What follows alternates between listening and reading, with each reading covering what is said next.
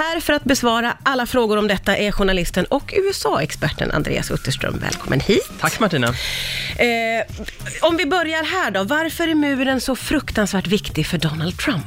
Det är för att jag tror att det fanns två skäl till att han vann valet. Det ena var att han inte hette Hillary Clinton och det andra var att han pratade om muren. Därför att det är en väldigt tydlig symbolfråga som symbolerar hårdare tag mot invandring och som alla kan se framför sig till skillnad från när politiker fastnar i debatter om skattetekniska saker. Det här kan alla förstå. Man bygger en mur så slipper man få in illega- illegala invandrare, knark och annat som man inte vill ha. Mm.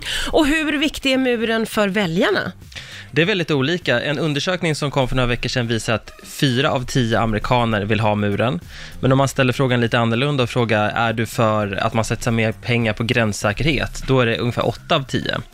Så jag tror att vissa av Trumps hardcore-väljare, eller fans kan man nästan säga, eftersom Ja. han är ju en slags kändispresident. De vill ha en mur i betong, alltså bokstavligt talat, medan jag tror att för en, för en del andra väljare är det mer symboliskt. Ja. De, de kanske aldrig har trott att muren ska byggas, men de ser det som ett tecken på att han kämpar för gränssäkerhet och hårdare tag mot invandring, så att det är egentligen det som är grejen för dem. Men han menar en, en murad mur, eller vad menar Donald Trump egentligen när han säger Han muren? menar ju som han alltid gör väldigt olika saker. Från ja. början var det ju, det, var, det skulle vara betong och det skulle gå snabbt och den skulle vara snygg och Mexiko skulle betala för Ja. den. Det har man nästan glömt nu. Ja. Eh, sen när han började prata om, om, eh, om stängsel och barriär, så att han, han gör ju som han alltid gör, att han åker lite slalom mellan olika uttryck och touchar olika punkter så att han sen alltid kan liksom gå till en viss punkt och säga det var det här jag sagt hela tiden. Ja. Det är lite så han jobbar och det, så har det verkligen varit med muren. Det där har väl han gjort till en konst, att liksom hoppa mellan sina egna... Det finns ju ingen annan politiker som har bytt åsikt i, alltså i så stora frågor och, och som, på så tydligt sätt som han. Samtidigt så finns det några frågor som han återkommer till hela tiden, som han verkligen står fast vid. Det är muren och det är hårdare tag mot Kina. Ja. Och han menar ju att det är ett nationellt nödläge. Mm. Är det det? Det, det är han väldigt ensam om att tycka. Nationellt nödläge är någonting som presidenter brukar utlysa när man snabbt måste få fram pengar och inte hinner använda de vanliga mekanismerna, till exempel att det varit en naturkatastrof, terrorattack eller så. Ja. Trump använder det här som en del i ett taktiskt spel och det gör ju att motståndarna tycker att han är extremt cynisk och att hans egna partikamrater säger att det här är jättefarligt för att om du för- förlorar valet 2020 Ja. så kan eh, president Kamala Harris, eller vem det nu blir som utmanar Trump, Ja, säga att eh, klimatfrågan är ett nationellt nödläge eller eh, vapenfrågan är ett nationellt nödläge och, och börja använda den här taktiken på ett sätt som de absolut inte gillar. Så att han har egentligen alla emot sig när det gäller just den här taktiken. Donald Trump då, som vi sa, han har kallat det för ett nationellt nödläge. Eh, och eh, Nancy Pelosi och alla andra egentligen säger, det är inte ett nationellt nödläge. Vad är det då? Hur skulle man beskriva situationen med invandring och, och vid gränsen? Det här är egentligen det ultimata be- beviset på att det pågår en jättefight om verklighetsbeskrivningen. Och den kan man se i Sverige också när vissa pratar om systemkollaps och andra säger att vi aldrig haft det så bra. Och På vilket perspektiv man tar, vilk, vilken statistik man plockar fram, hur man vrider och vänder på den. Trump är ju väldigt bra på att plocka fram, alltså dels ljuger han ju om statistik ibland, men så plockar han också fram enskilda händelser där, låt säga en illegal invandrare begått, begått ett grovt brott och så plockar han dit brottsoffren till talet och sådär. Och det, det är ju ett knep som politiker använder eh, ibland. Men, men det där med, med hur man ser liksom på illegal invandring och så, det beror helt på vilket perspektiv man har. Å ena sidan kan man ju säga att eh, illegal invandring kommer, förstör och liksom de belastar systemet och sådär för att deras barn går i skolan. Å andra sidan kan man säga att det är smörjmedel i hela ekonomin därför att det kan vara billigare att anställa en illegal person från Mexiko än att köpa en diskmaskin på om man driver en diner till exempel.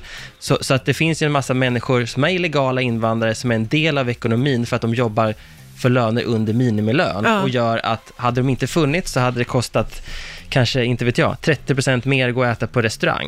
Så det där beror helt på eh, hur man ser på det och, och eh, det är ju väldigt få som håller med om att situationen är så allvarlig så att det skulle vara ett nationellt nödläge. Ja. N- när den här debatten pågick som mest intensivt i slutet av förra året så pratade Trump mycket om the caravans.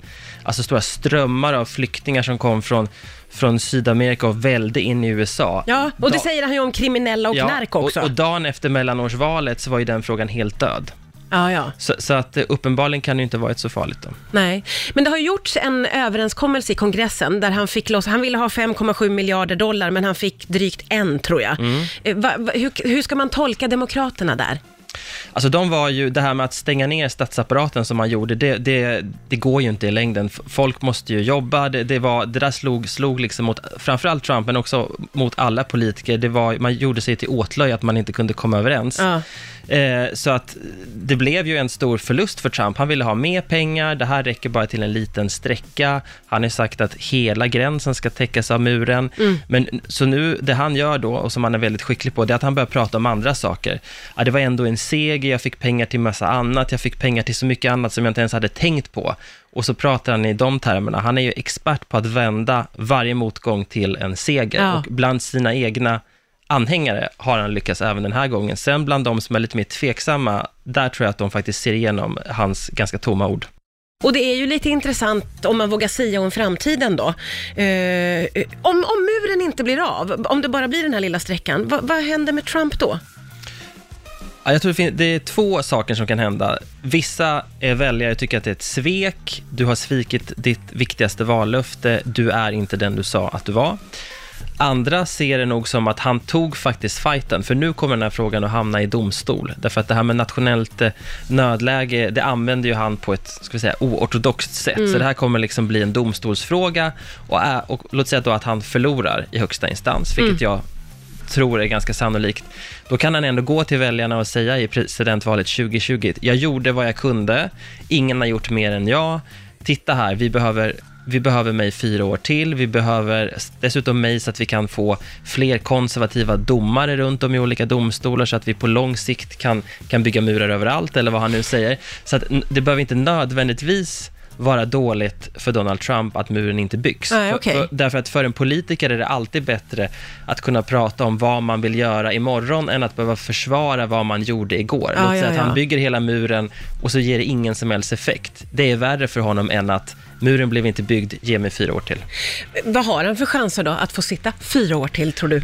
Jag tror att det handlar dels om hur tråkigt han har på jobbet. Jag tror att han har väldigt tråkigt på jobbet. Ja. eh, om han hamnar i en situation där hans eh, son dras in i den här utredningen och han kanske måste benåda sin son, som man, USAs president kan göra, och kanske då trapp, tappar så mycket trovärdighet att han faktiskt eh, måste hoppa av. Ja. Eh, och sen beror det förstås på vem han möter. Ja. Möter han en kandidat som är lika usel som Hillary Clinton, så vinner han. Men om man möter någon som är både karismatisk, eh, kan stå emot liksom härskartekniker och annat på en debattscen, men samtidigt prata riktig politik, Mm. då kommer han att förlora. Så det beror helt och hållet på vem motståndarpartiet, alltså Demokraterna, väljer. Jättekort då, innan eh, du lämnar mig här för idag, för att det finns mycket att prata om Verkligen. framåt också känner jag. Av de kandidater som har liksom kommit fram senaste tiden, vem tror du mest på där? Skulle kunna utmana Trump alltså? Kamala Harris är väldigt karismatisk, kallas för en kvinnlig eh, Obama. Så finns det en dark horse, en senator från Ohio som heter Sherrod Brown, som är ganska okänd, men som är en riktig working class hero, pratar om att den bortglömda arbetaren och dessutom har Washington DCs hesaste röst. Han Ja, skulle ja. också kunna bli svår för Trump.